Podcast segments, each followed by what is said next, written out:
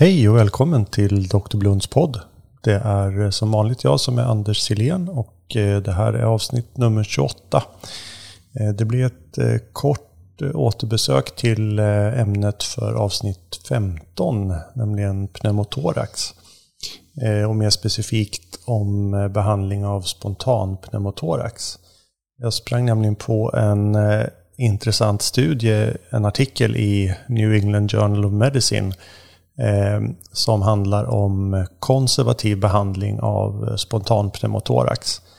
Eh, man ville se helt enkelt om konservativ behandling var lika bra som, eller i alla fall inte sämre än, dränbehandling.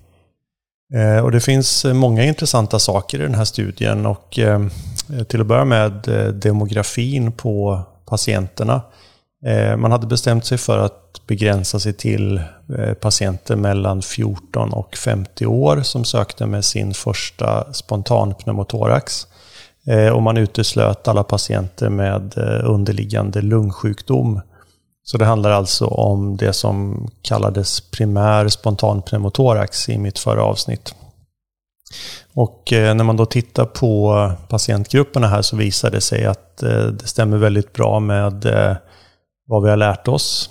Eh, 85 procent av patienterna var män. Eh, genomsnittsåldern var 26 år.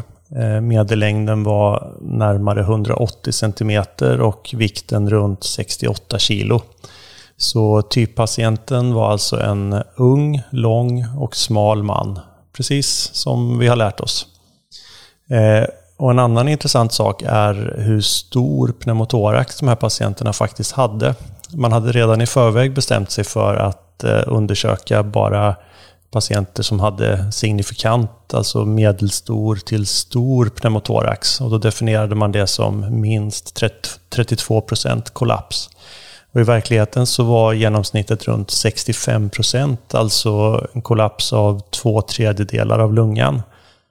Och de flesta skulle nog inte tveka att stoppa in ett drän om de såg en så stor pneumotorax på röntgen. Så det gör ju att eh, själva resultatet av den här studien är väldigt intressant.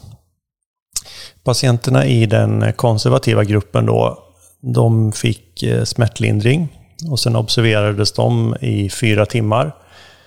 Eh, sen gjorde man en kontrollröntgen. Om de var väl smärtlindrade och eh, opåverkade utan behov av extra syrgas så fick de gå hem.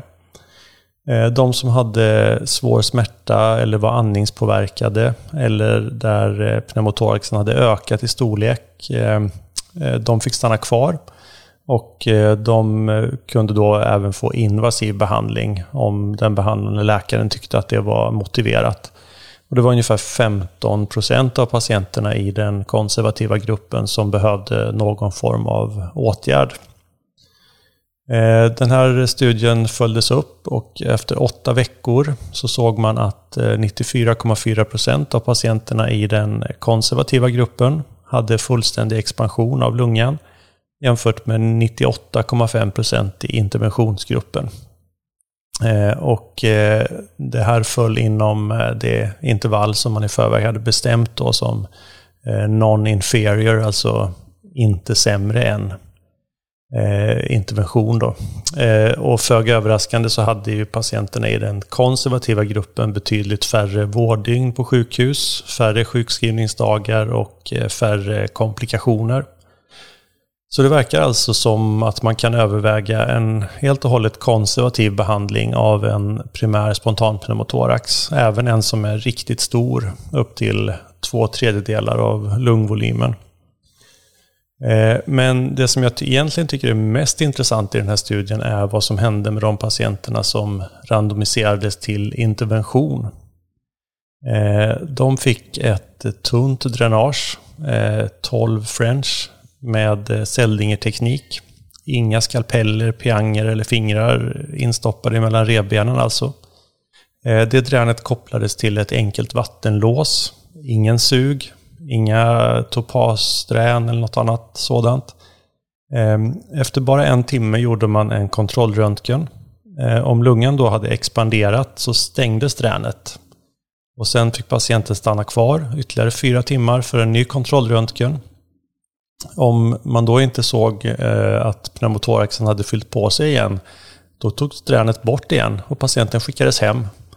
Och annars så öppnades dränet och patienten lades in på avdelning då för sedvanlig vård.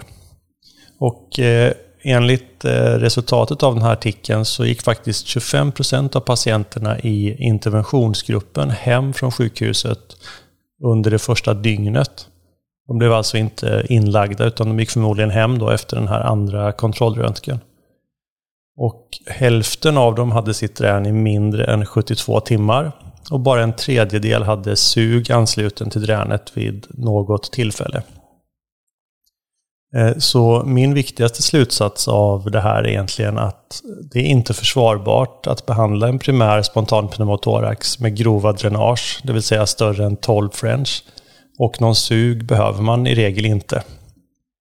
Så här finns det många vårddygn och sängplatser att spara. För att inte tala om smärta och eh, obehag för våra patienter. Ehm, ja, det var egentligen allt. Eh, hör gärna av dig och berätta hur ni gör på ditt sjukhus med eh, primär primär spontanpneumotorax. Det här tror jag är någonting som många kan behöva fundera över.